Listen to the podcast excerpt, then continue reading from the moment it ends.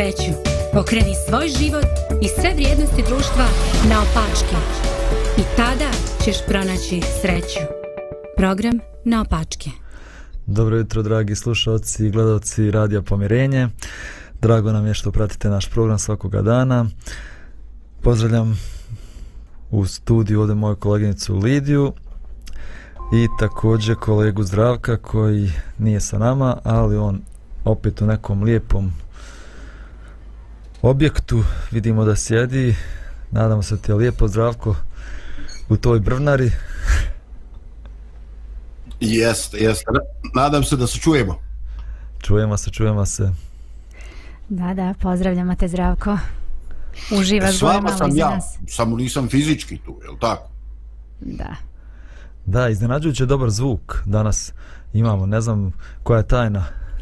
Ima, ima ovaj, posle emisije ću vam radim ja na rješavanju problema. Intenzivno. Da. da. Dobro, dobro.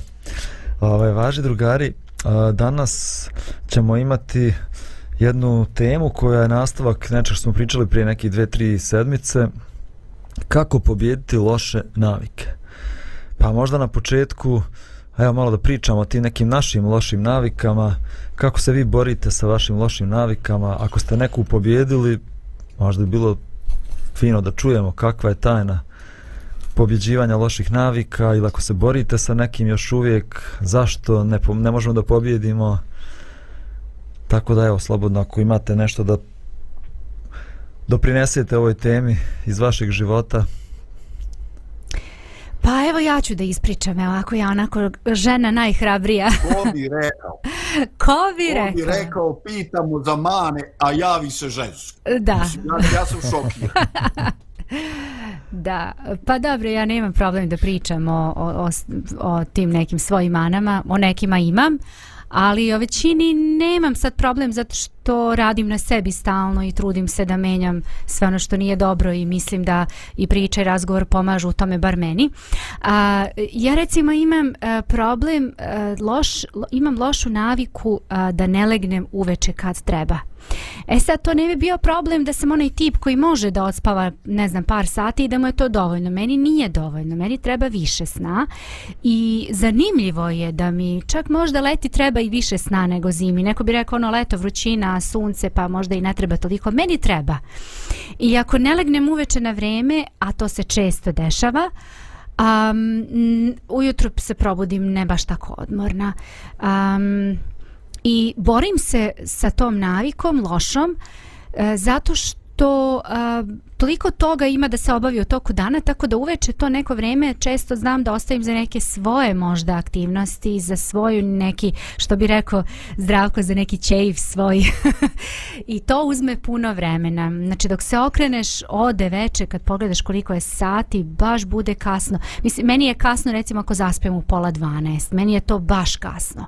Ja bih voljela da mogu oko 10 pola 11 ali se borim sa tim i nisam još uspela da se izborim sa tom navikom A druga navika, naravno, o čemu bismo mi žene nego o hrani i o, um, o tim nekim stvarima vezanim za, za tu temu. Znači, evo, trudim se već, reći vam, već šest meseci uh, sam izbacila slatko, jedem samo subotom. Subotom jedem slatko, ne jedem u toku sedmice i odlično se osjećam. I vodim račune, znači šta jedem, kako jedem i prvi put sad, posle možda dužeg vremena, onako da se baš osjećam dobro, da ne moram, nisam sad na nekoj dijeti, sad trenutno nisam, onako radim, trudim se vežbe i to, ali se mnogo dobro osjećam. Znači baš preporučujem svima od srca, probajte, treba duži period. Ja sam mislila ono dva mjeseca, tri kao dovoljno, ma nije dovoljno. Meni je trebalo četiri, pet mjeseci da onako nadođem. Sad sam već onako svoja na svome i sad ovo ne bih menjala. Ne znam šta će biti kasnije, ali za sad mogu reći da sam pobedila i tu lošu naviku nekog grickanja uveče. Ja kokice volim, to mi smeta baš, baš, ali baš se onako osjećam dobro. Tako da, eto, to sam možda za sad pobedila. Hvala. Lidija, šta će se desiti ako dođe Sofija sa onim svojim datulama u radnim danom? Neću jesti, neću jesti, to smo već imali na Balkani, ovaj, kad smo bili i imali smo neki sastanak i onda nam je ona ponudila, ja sam ostavila i sačuvala sam, to je bilo petak, sačuvala sam za subotu da posle ručka pojede. A čekaj, stani, ja ne razumijem zašto ako, ako to zdrav, zdrav, zdrava slastica. Pa to je sad bilo, ve, bila već druga to priča. To je kao to je, da jedeš i voće neko, ne znam, E, slatko. Jeste, ali to je više bilo jedenje između obroka. To je A, bilo nešto, okej, već sam okej. bila jela, sad ponovo da uznemiravam želudac. Meni smeta, nekome ne smeta, neko može, meni smeta i ja se osjećam dobro kad ne jedem između obroka. Dobro, super, hvala ti. Zdravko, s kakvim se ti boriš navikama? ja se ovaj ja čitav život s nečim borim. Ovaj e, vas da nešto. I ovaj e, a nije mi toliko problem što se ja borim nego ovaj e, problem je što s mojim lošim navikama bori Sanja moja žena. I ona mi to svaki put prepozna. I ovaj e, ja nekad reagujem ko bik na crvenu krpu ovaj e, eto ovaj nekako ovaj u životu imam problem da ispravno reagujem na tuđe ovaj da ispravno reagujem na, na tuđe neke neke reakcije razumije? Ovaj preizvesnog vremena smo brisali jedan krovni prozor i onda ona se javi i ovaj onako baš glasno me zovne. Pa šta je bilo? Kaže ptica pa ne mogu ja zabraniti pticama da lete iznad krovnog prozora, ono, ja se iznerviram i onda reko, Bože, ovaj, vidi koliko stvarnih ima problema u životu, ovo i ono, a ja skačem kao pijetao, rad toga što mislim da tuđa reakcija nije odgovarajuća. Eto, mislim, to je meni ozbiljan problem. Što ja to nisam se mogao nasmijati? Što ja to nisam mogao? Mislim, zašto? Zašto primam crcu? Eto, to je meni... Imam problem da, da, okej, okay, okej, okay, hvala ti. Pa jeste, ja, ja se isto tako nekad, nekad me nekad iritira me neko ko reaguje na način ako ja ne bih reagovao i onda se pitam, a šta je mene uopšte stalo do toga, kako neko drugi ovaj, reaguje i kako se ponaša.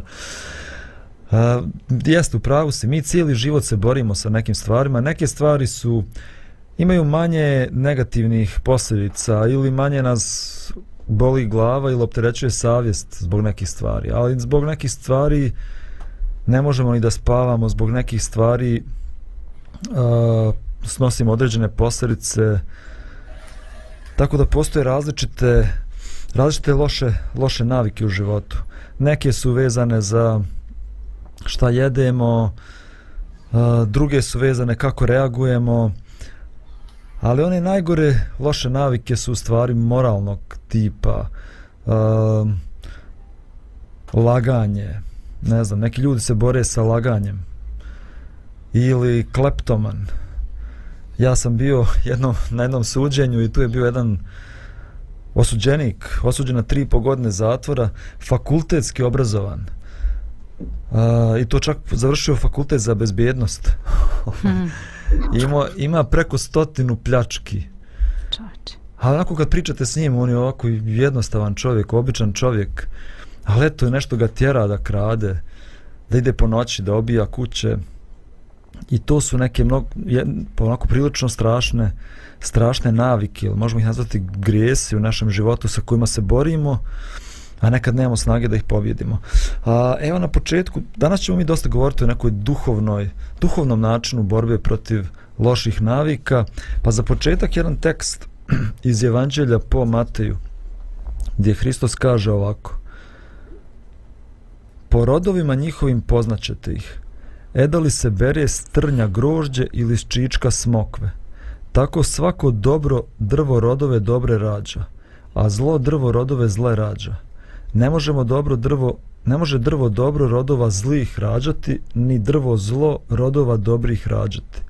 Svako dakle drvo koje ne rađa roda dobra sjeku i oganj bacaju. I tako dakle po rodovima njihovim poznaćete ih. Ovdje Isus govori o jednoj zanimljivoj ilustraciji. Ako je drvo zdravo i dobro ono će donositi dobre rodove. Ako vidimo da rodovi nisu dobri to znači da to drvo nije u stvari dobro. Pa ne znam kako bismo to mogli da prenesemo i u, u naš život. Rodovi bi vjerojatno bilo naše ponašanje, a drvo je naš karakter. I vjerovatno Isus ovdje govori o tome da ako želimo da mijenjamo ponašanje, onda prije svega treba se fokusiramo na drvo, na ono što je unutra u nama. Da to pokušamo da mijenjamo, a onda će se spontano i ove ostale stvari izvana mijenjati.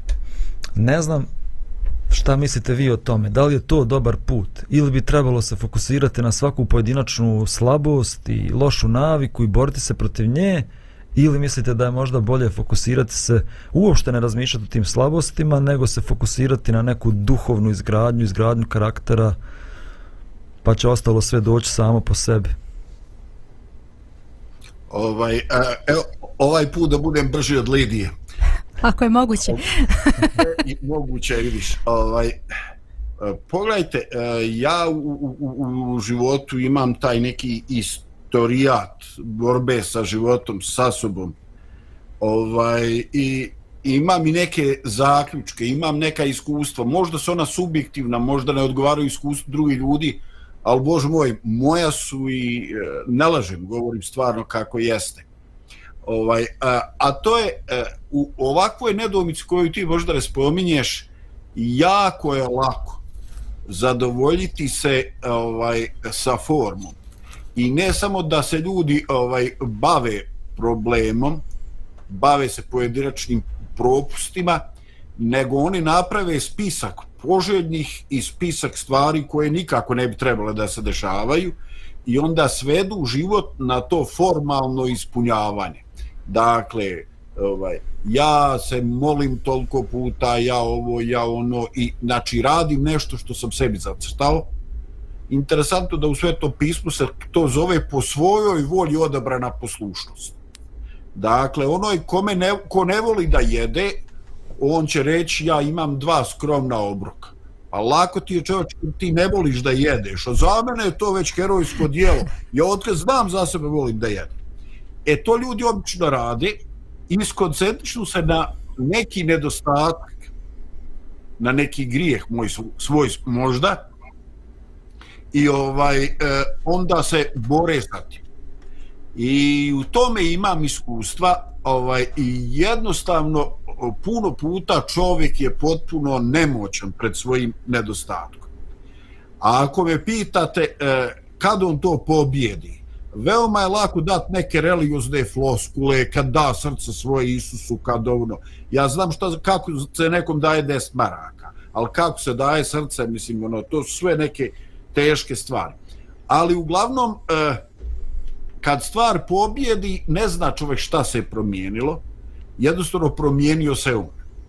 Neke stvari su u čovjeku sazrale, neke stvari su na, ovaj, prevaziđene i ja definitivno bi se priklonio tom svom stavu umjesto da se bavimo nekim pojedinačnim nedostacima, iako ni njih ne treba negirati, ovaj, i ja bih svakome ko je na nekom duhovnom putu preporučio ajde da se bavimo stvarnom našom prirodom i pobudom. Mhm. Hvala ti. Uh, već sam više puta spominjao ovdje kako ja vodim grupu podrške za zavisnike i tako radio sam jedan napisao sam jedan kurs za zavisnike i sad čitajući te knjige postoje neke uh, vježbe za zavisnike. Na primjer, kaže staviš gumicu oko oko ruke mm. i kad god ti padne na pamet ta misao o tvojoj zavisnosti ti zategni gumicu i, i pusti nek te opeče mm možda nije to loše uopšte to su neke zanimljive stvari koje ti mogu pomoći ali ovo što zdravko govori umjesto gumica umjesto tehnika savlađivanja određene vrste ponašanja možda je bolje da se fokusiramo na naš karakter na izgradnju našeg karaktera jer onda će vjerovatno sve ono što izlazi iz nas biti dobro i biti čisto. Pa evo nastavit ćemo ovu priču i poslije muzičke pauze. Može.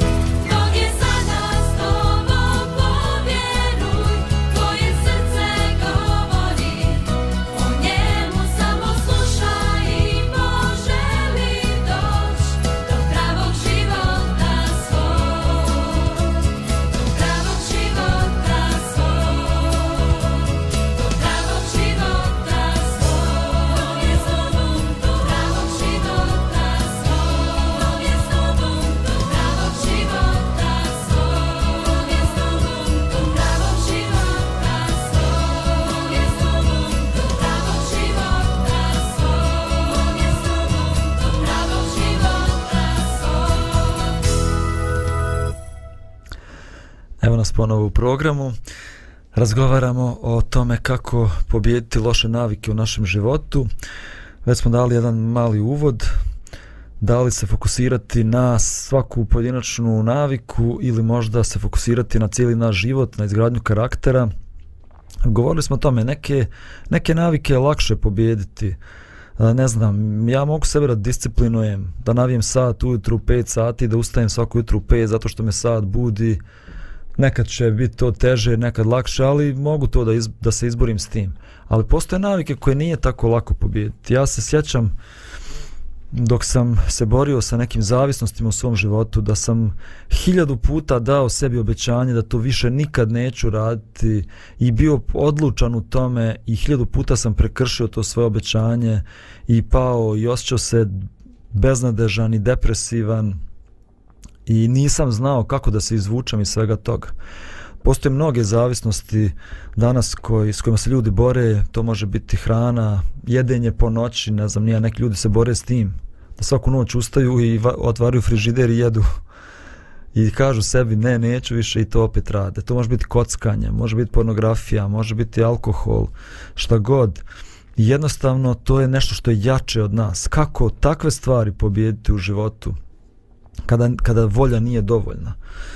Uh, evo, pročitat ću jedan tekst, već smo rekli, ćemo danas malo govoriti o duhovnosti i koliko je duhovnost važna u pobjeđivanju naših loših navika. Kaže tekst ovako, Galatima poslanica, velim pak, po duhu hodite i želja tjelesnih ne izvršujte, jer tijelo želi protiv duha, a duh protiv tijela, a ovo se protivi jedno drugome, da ne činite ono što hoćete. Ako li vas duh vodi, niste pod osudom zakona. A poznata su dijela tjelesna, koja su preljubočinstvo, kurvarstvo, nečistota, besramnost, idolopoklonstvo, čaranja, neprijateljstva, svađe, pakosti, srdnje, prkosi, raspre, sablazni, jeresi, zavisti, ubistva, pijanstva, žderanja i ostala ovakva, za koje vam naprijed kazujem, kao što i kazah naprijed da oni koji tako čine neće naslijediti carstva Božjega a rod je duhovni ljubav, radost, mir, trpljenje, dobrota, milost, vjera, krotost, uzdržanje. Na to nema osude zakona, a koji su Hristovi raspeše tijelo sa slastima i željama, ako u duhu živimo, po duhu i da hodimo. Ovo je jedan interesantan tekst koji nam govori o nekoj vrsti sukoba, konflikta između dvije prirode u nama. Između duhovne prirode i tjelesne prirode. I ovdje nam pisac govori kako se ta borba odvija u našem životu. Jedna priroda želi da čini dobro, a druga priroda nas tjera da činimo nešto loše ili da činimo nešto što mi stvarno ne želimo. Pa ajde malo o tome da porazgovaramo. Da, kako vi u svom životu osjećate borbu između te dve prirode? Da. Ako dozvoliš, ovaj, uh, mislim da potencijalni problem leži i u identifikovanju ovaj, eh, uh, pravog izvora ili pravog razloga problema. Jer ovaj sami ti nazivi duhovno, tjelesno ovaj nisu bez određenih iskušenja ajde to duhovno za religiozne ljude ima jedno značenje, za one druge možda znači taj psihološki emotivni život. Ali ovaj e, ljudi će veoma lako ovaj e, tjelesno e, povezati sa svim onim što je dio tijela. Ja sjećam Boždare ostao mi je dakle ostalo mi u sjećanju jedno video predavanje koje si ti imao gdje si govorio o tim tjelesnim problemima i onima koje su najoguzglošeni. Neko od njih sad pročitao.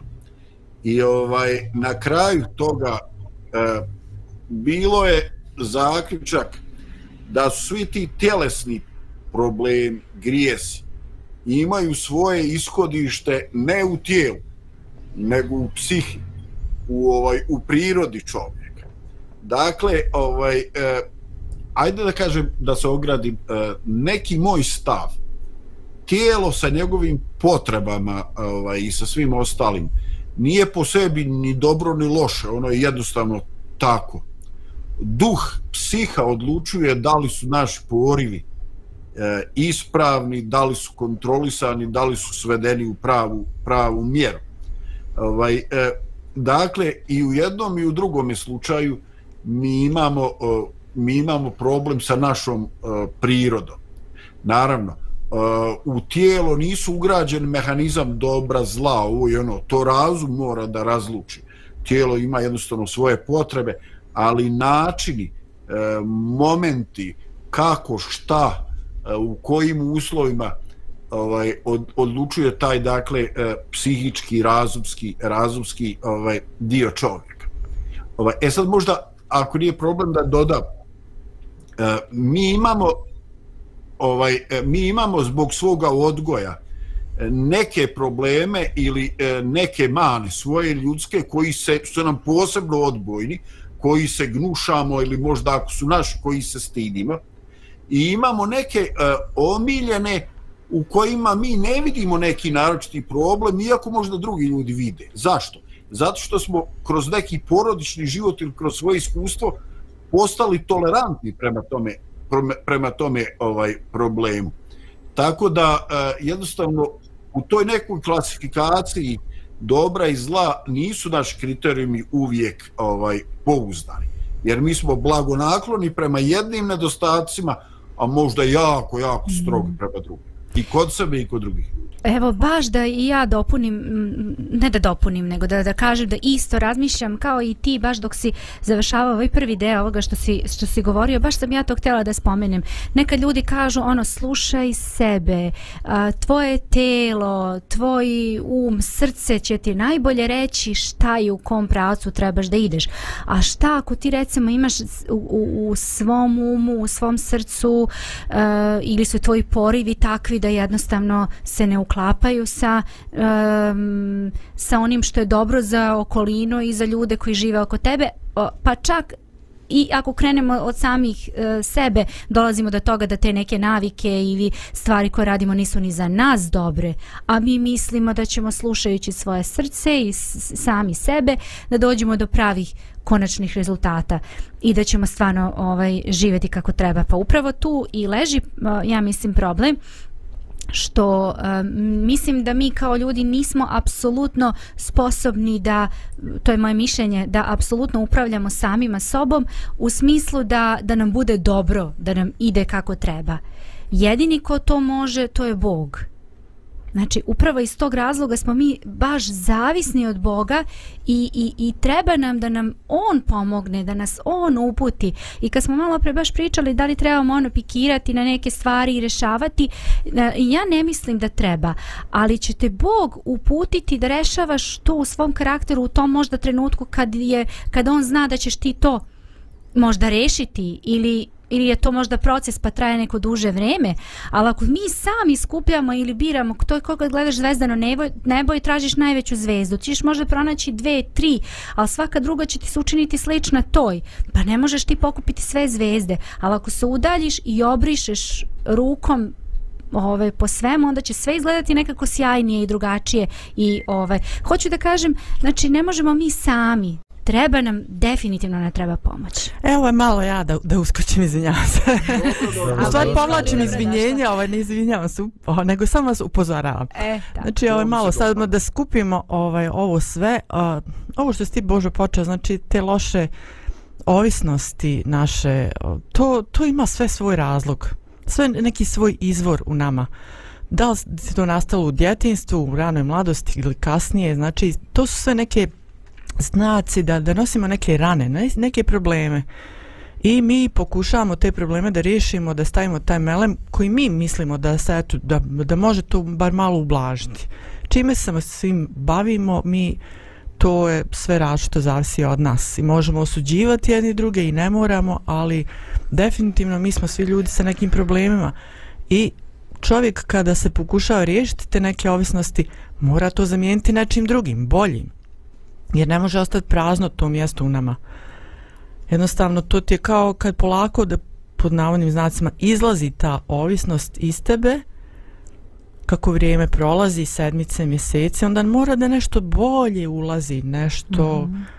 zdravije za tebe, za tvoju okolinu, znači nešto što će tebe razvijati, što će pozitivno uticati na druge ljude, vidjet će, vidjet će ljudi tu pot, uh, promjenu u tebi, ej pa ovaj se čovjek promijenio, ej nešto je, ja ne znam šta, ali nešto je bolje u vezi njega, znači... Popravio se. Primijetili smo nešto, mm. znači nešto se zbiva. Mm.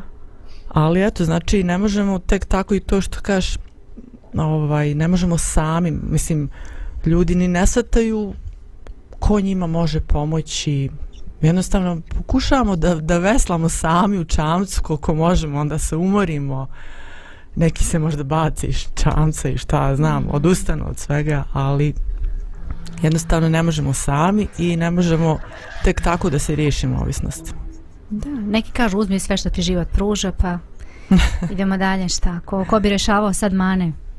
Nije problem, nije problem uopšte, uzmi sve što ti život pruža, ali dok dođeš do toga da ti život sve uzme, onda... Ovaj, to je da, zdravko je, zdravko je pokušao da, da definiše malo ovo tjelesni, tjelesna priroda i duhovna priroda, a pa evo možda malo još to da pokušamo da objasnimo tjelesna priroda i um, evo ti si govorio um je ona, psiha je ona što koja odlučuje, ali kod ljudi koji su zavisnici, kod njih ne odlučuje psiha, kod njih samo tijelo odlučuje, kod njih je tijelo gospodar, a ne um šta god se tijelu prohtije, razum to do, dozvoljava. Trebalo bi obrnuto, trebalo bi da mm. razum bude gospodar, a da tijelo bude sluga, ali kod većine nas i kod tih svih naših loših navika, tijelo postane gospodar, a ne naš razum i ono upravlja. I to je ta tjelesna priroda i ovdje se i opisuju Pa posljedice te tjelesne prirode, rodovi koje donosi ta tjelesna priroda, svađe, prkosi, preljube, ne znam šta se sve ovdje navodi, zato što nismo u stanju da kontrolišemo naše tijelo, tijelo je postalo gospodar. I možda druga stvar, samo kad već upoređujemo to s duhovnom prirodom, ta tjelesna priroda je uvijek sebična i uvijek je to okrenuto prema meni kako da ja zadovoljim svoje želje, svoje potrebe, kako da iskoristim druge ljude, druge osobe, gledamo na druge kao objekte koji će doprinijeti nekom ispunjenju mojih želja, mojih ambicija. Dok u duhovnoj prirodi koju smo čitali je nešto drugo. Ljubav, radost, mir, krotost, to je uvijek usmjereno prema, prema drugim ljudima, duhovna priroda uvijek daje drugima, ona misli o drugim ljudima. I mislim da je to upravo ta, ta borba između dobra i zla u nama i nešto što, što, što Bog želi da promjena koju Bog želi da donese u našem životu, da nestane te sebičnosti, okrenutosti prema nama i prema samo ispunjavanju naših tjelesnih želja, da se u nama probudi ta duhovna priroda koja će da živi životom ljubavi, da gleda i druge ljude i njihove potrebe i da se raduje ispunjavanju tih potreba.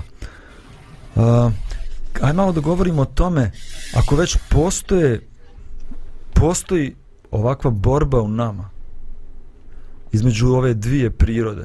Mislim, to je dobro ako postoji, ako postoji borba, jer to govori da imamo dvije prirode. Kod onih koji imaju samo tjelesnu prirodu, kod njih nema nikakve borbe. Mm -hmm. Oni su potpuno poraženi i ne bore se uopšte. Ali ako postoji borba, znači da ipak je Bog u nama rodio, da tako kažem, dao nam je i tu novu prirodu i ona je u sukobu sa tom našom starom prirodom koja još uvijek je prisutna, nije ona nestala u našem životu.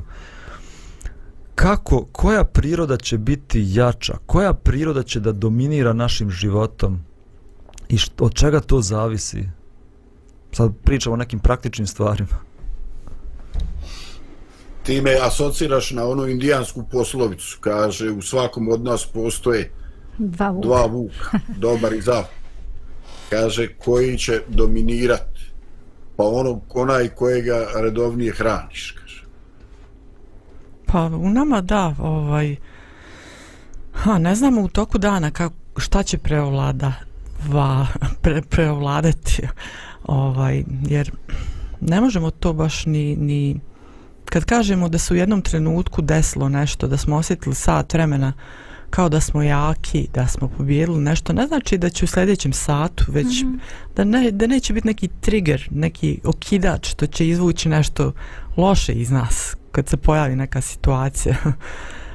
ovaj, tako da ne znamo ni za sljedeći dan, ni za sljedeći mjesec ili godinu, ali možemo, možemo odlučivati. Mi smo ovi koji odlučujemo I to što kažeš, naš um treba da odlučuje tu, da bude taj glavni koji će usmjeravati. Nije to baš lako. Nije to bezbolno nešto, jednostavno u borbi fasuješ svašta i osjetiš razne vrste boli. Znači, ako je to borba, onda je to stvarno nešto što što će te i opeći i, i svašta ćeš osjetiti, ali, ali nastavljaš dalje. Ja sam odlučio, vidim nešto ispred mene, možda nije sad idealno, ali ispred mene vidim neku svjetlost, idem ka tome, interesuje me ta svjetlost, bez obzira koliko je ona bila mala, ali daje mi neku, bar malu nadu da se ja mogu promijeniti, da nešto bolje može biti od mene, idem ja ka tome. Bez obzira što se sad mučim, bez obzira što ću se vratiti deset koraka nekad unazad, a tek dva možda naprijed, ali idem, idem. I onda kako godine prolaze, može se vidjeti kad čovjek pogleda kakav sam tad bio prije 5, 10, 15 godina i kakav sam sad, pa ima, ima tu neka, neka promjena na bolji. Zato što sam odlučivao, zato što sam ja birao to, zato što sam se to borio. To je bila moja volja usklađena sa nekom višom boljom voljom za mene. Mhm. Hvala ti, Dragana. Ok, ajde ovaj, malo ćemo govoriti o tome i kakva je ta, kako, kako treba da izgleda ta borba. Ali evo, prije toga napravit ćemo jednu malu muzičku pauzu, pa ćemo onda nastaviti ovu zanimljivu temu i priču.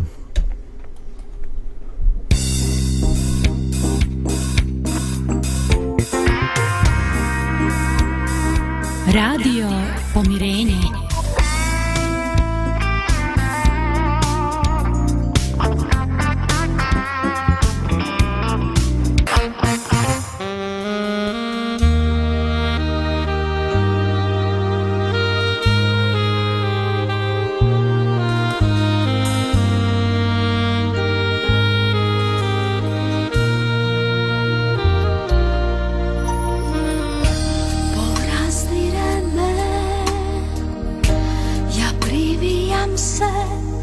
Muza hladne stjene, litice samoće Srce steže se, trebam praštanje. Svoje boli želim dijeliti sa tobom. I tražim pravu je Ali glas mi zapinje. Srce osjeća da ljubav traži me. Otvaram ti svoje srce Ispuni ga svetom vatrom. Puštam te u misli i sne Što razdiru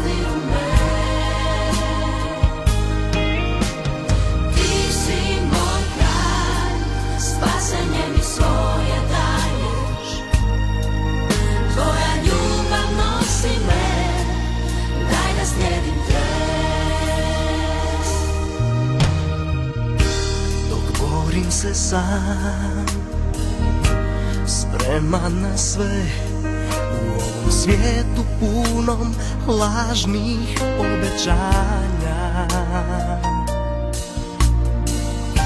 Kad te pustiš sve I povrijede te Ti ne gubi vjeru Bog tvoj vidi sve. Utjehu ima za tebe Moje srce takvu našlo je. Daj mu život svoj, nek ljubi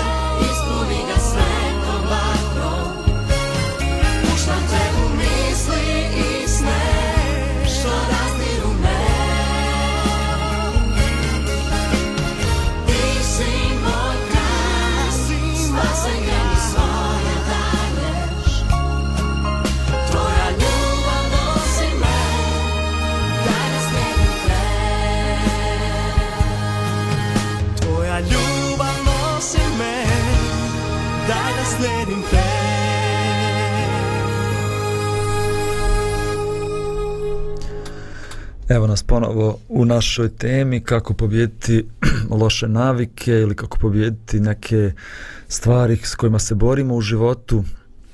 A evo, malo smo govorili o tome da u većini nas postoji i dobro i loše. ono loše nas tjera da činimo neke stvari koje ne želimo i koje ne volimo, a ono dobro nas motiviše da činimo dobro i u stalnom smo sukobu između te dve prirode kako smo čitali u ovom tekstu ovdje. A, Zdravko je govorio o tome koja će priroda da bude jača i spomenuo je ilustraciju kao dva vuka. Onaj vuk koga hraniš on će da bude jači. Onaj kom, kome ne daješ hranu koga pustiš da gladuje taj će da oslabi neće imati puno ovaj snage tako je u našem životu um, identično tome koju prirodu više hranimo, ona će da bude dominantnija u našem životu. Ako hranimo duhovnu prirodu, ona će da upravlja našim životom, da ima više snage u našem životu. Ako hranimo tu tjelesnu prirodu, onda će ona da bude snažnija u životu. Pa možda malo da damo i neke primjere u vezi toga. Kako možemo da hranimo jednu prirodu, kako hranimo drugu prirodu, šta mislite? Pa ja, a, ja imam problem sa, sa tom, da kažem, drugom prirodom koja nikako da umre. Znaš, Vuk gladoje, gladoje, pa trebalo bi jednom da umre. Ali ta priroda kao da ćuti negde, znaš, onako pritajena, tačno, ok, nekad se osjećam dobro u svojoj koži, super mi je, ali onaj Vuk čuči tamo i samo čeka da mu malo dam hrane, ma skače odmah ko, ko jelen i odmah, znači, živne kao da se ništa nije desilo. Ja s tim imam problem, znači, kako da se izborim u tim nekim situacijama kada osetim, osetim ponovo želju za nečim što ovaj što znam da nije dobro za mene. I onda sama sebe nahranim i kažem a dobro hajde ma samo sad ma pusti sad ajde nije bitno. Ili tako. Ja to to je moj problem. Okay, Lidija. Okay. Nisi jedina. ovaj, I onda posle toga razvijemo novu teoriju zavjere. Kad ne, da ne treba noću jesti, ne bi bio napravljen u svjetlom frižderu, je li tako? Jest. Da, viš, oni su to, oni su to namjerno napravili, jer su znali da mi imamo problem. Razumeš? Da nas malo znači, nerviraju, provociraju, da, aj, vidiš, da hrane vuka. Svijet se okrenuo, vidiš, sve rade protiv čoveka, eto, čak i to su radili ugradili svjetlu frižderu. Da. Eto, vidiš kakav je svijet u kojem živi. Ili recimo, uh, znam da se ponašam na određen način i da to nije dobro. Ja ću to da iskontrolišem neko vrijeme, ali će nešto da me izbaci iz takta i ja ću da se vratim na onu staru prirodu, da odreagujem onako kako ja inače reagujem. I onda posle paš džaba ti sve ono, ti se trudiš, boriš, a ono opet iskoči nešto zlo prirod. Dobro, ali ajde da pričamo o tome kako umrtviti tu jednu prirodu, kako osnažiti drugu prirodu.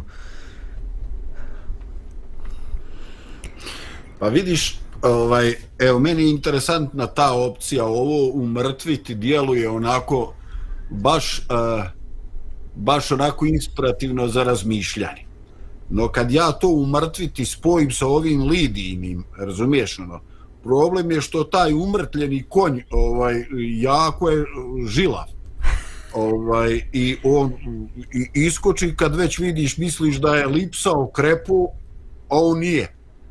Ovaj e, ne znam e, evo sad u glavi imam neki neki film.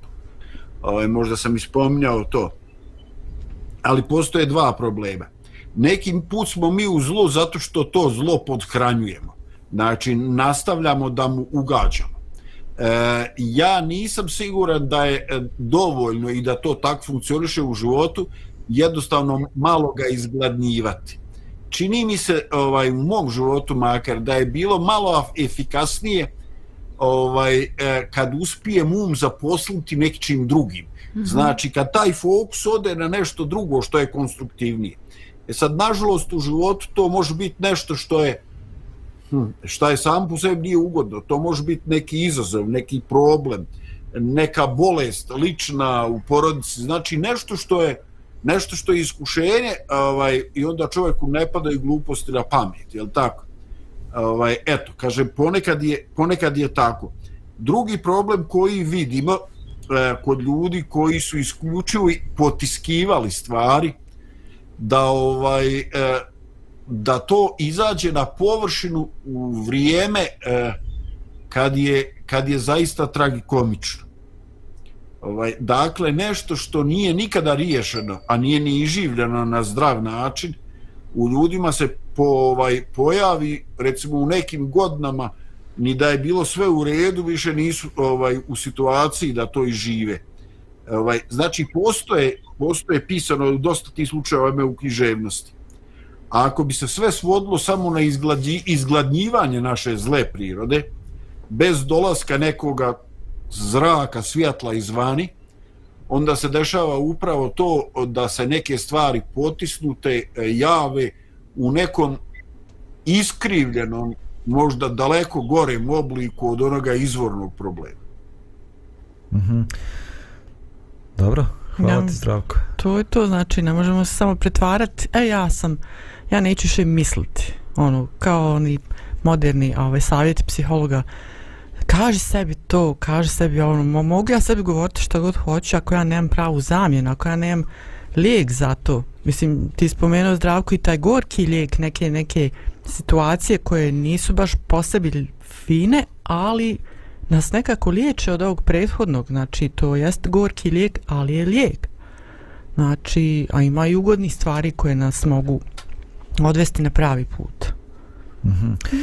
Ja, bi- ja bi sad malo govorio ono što si ti govorila o odluci, borbi.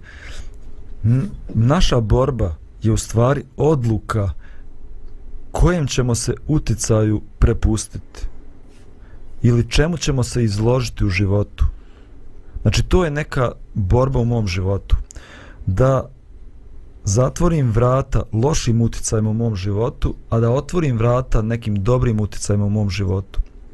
I ništa više, jer sam nemam dovoljno snage da pobjedim sam sebe, nemam odlučnosti, nemam volje, volja nije dovoljna da pobjedi moje moje slabosti, treba mi neš, neka sila koja je jača od moje sile, to je o tome Lidija govorila, a znači borba svakog od nas je kako da se izložimo uticaju pozitivnom uticaju u našem životu i kako da zatvorimo vrata negativnom. Ja sam u nekoj prošloj emisiji govorio o mom iskustvu kad nisam imao pet godina televiziju i kako sam bio šokiran kad sam je prvi kad sam prvi put pogledao neki program na televiziji. Bio sam zapanjen koliko nasilja koliko nemorala na televiziji ima. A ranije dok sam to gledao svaki dan više sati ja to nisam primjećivao uopšte i neminovno to vrši uticaj na moj um i čini da ta moja tjelesna priroda bude snažnija u mom životu Uh, ja sam vam pričao da sam bio zavisnik i to je bila stvarno jedna velika transformacija i promjena u mom životu kada sam uspio Božjom silom da pobjedim to u sebi, iako sam se borio godinama s tim. Ali uspio sam zato što sam prestao da se borim s tim, nego sam svu svoju pažnju usmjerio kako da ja sebe svakog dana dovedem u položaj gdje će Bog moći da djeluje na moj život. A to znači da sam ustao svako jutro sat vremena ranije, da sam svako jutro provodio a, vrijeme u molitvi, da sam svako jutro čitao sveto pismo, da sam čitao neke druge pozitivne knjige i sve to je jednostavno donosilo jednu promjenu mog, do promjene u mom umu, promjene mog razmišljanja, promjene mojih želja.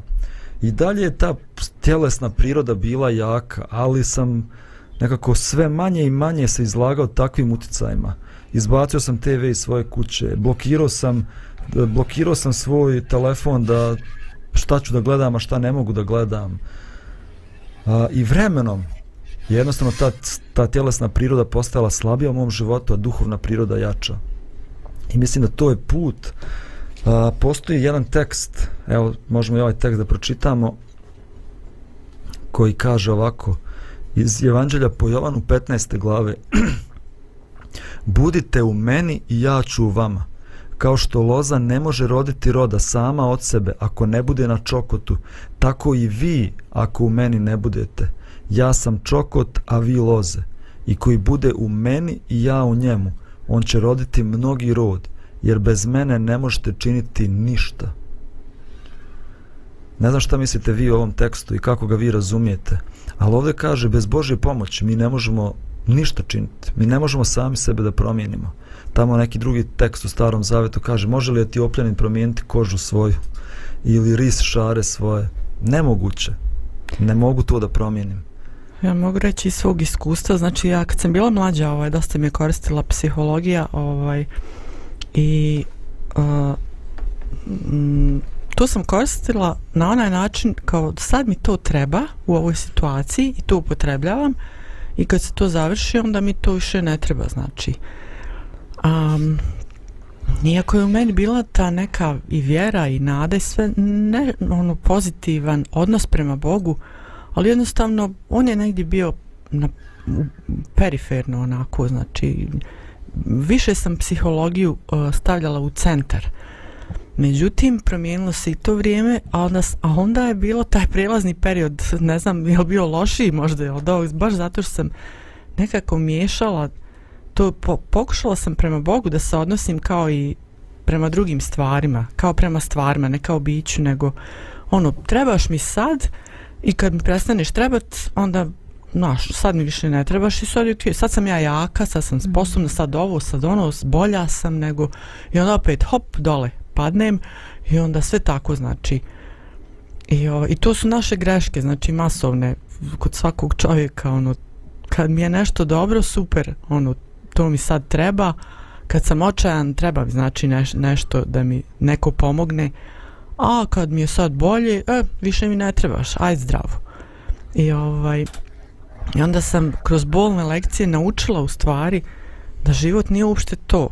Život je i odnos, odnos prema sebi, odnos prema drugom biću, bez obzira je li ono ljudsko ili vanzemaljsko, da tako kažem.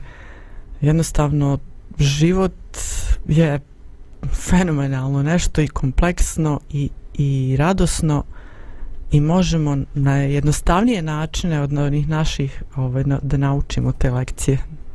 Hvala ti. Hvala možda-. Izvoli zdravko. ovaj, e, slušam ove različite riječi i neke su naravno bliže e, prepoznatljivije bliže mom iskustvu ovaj e, neke su interesantne naravno kao kao pristup ovaj e, kad bi sad mene pitali šta bi od onoga što sam čuo na ovoj emisiji šta bi izdvojio onako šta bi potpisao ovaj e, a to je e, Dragana u jednom trenutku rekla ne, ne vrijedi stvari vaditi iz čovjeka dok se to mjesto ne popuni nekim drugim zdravim sadržajem.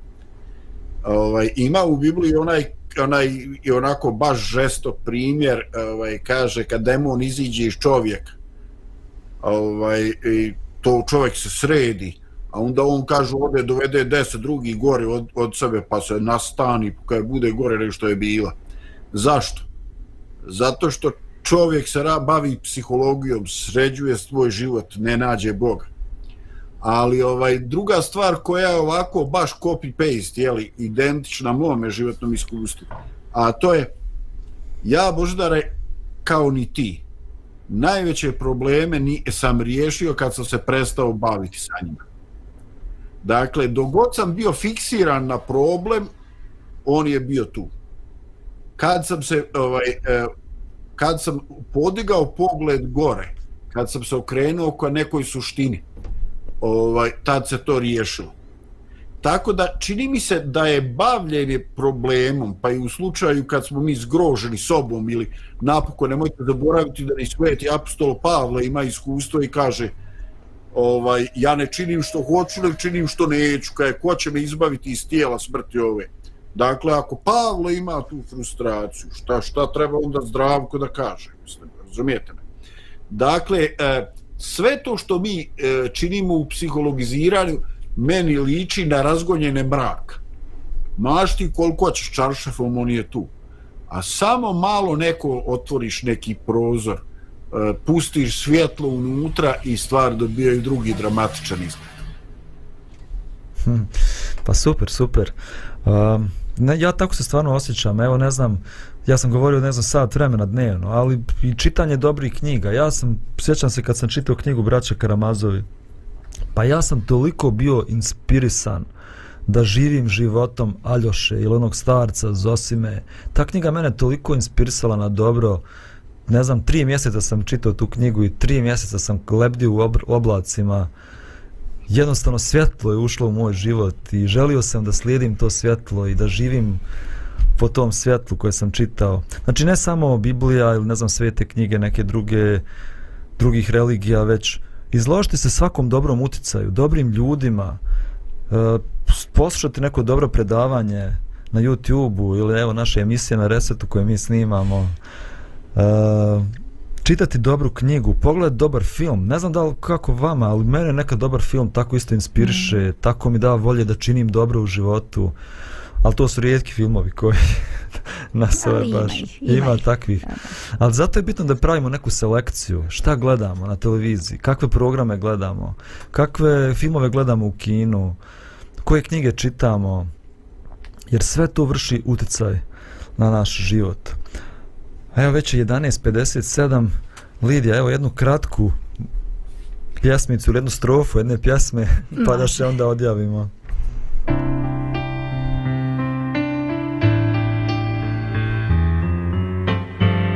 Ja znam da možeš, ja znam da možeš od mraka svetlo stvoriti, od suza dugu razliti i smrti život vratiti.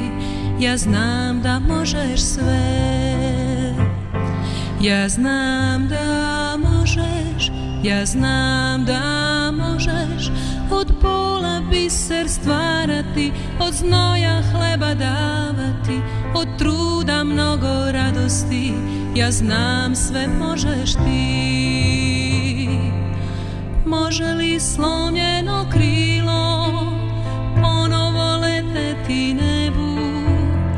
mogu li čovek i žena ponovo naći sreću, mogu li rane zarasti i sužnji doći slobode, da li se žedne duše mogu napiti vode, ljudi ne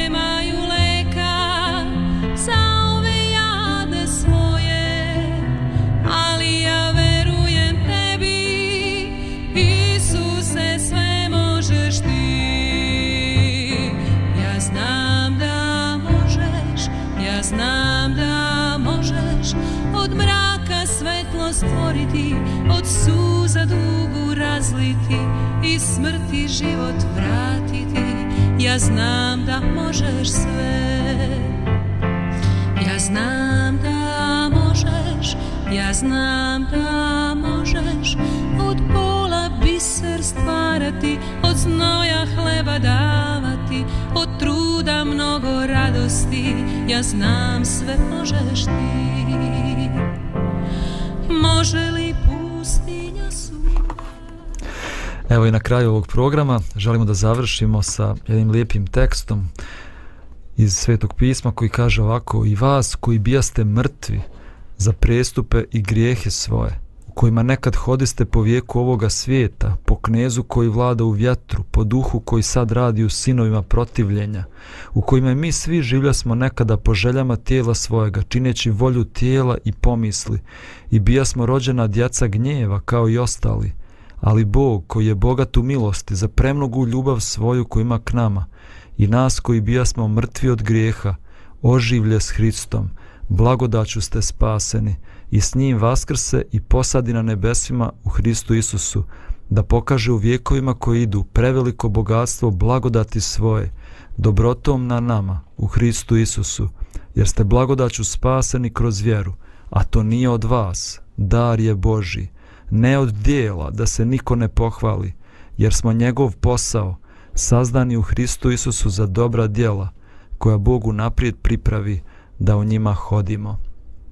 Moja želja da danas svi hodimo u tim novim dobrim djelima koje Bog priprema za nas i u kojima On želi da hodimo i da živimo i da ta naša duhovna priroda danas bude snažnija od tjelesne. Lijep pozdrav i slušamo se ponovo u ponedeljak. Doviđenja. Thank you.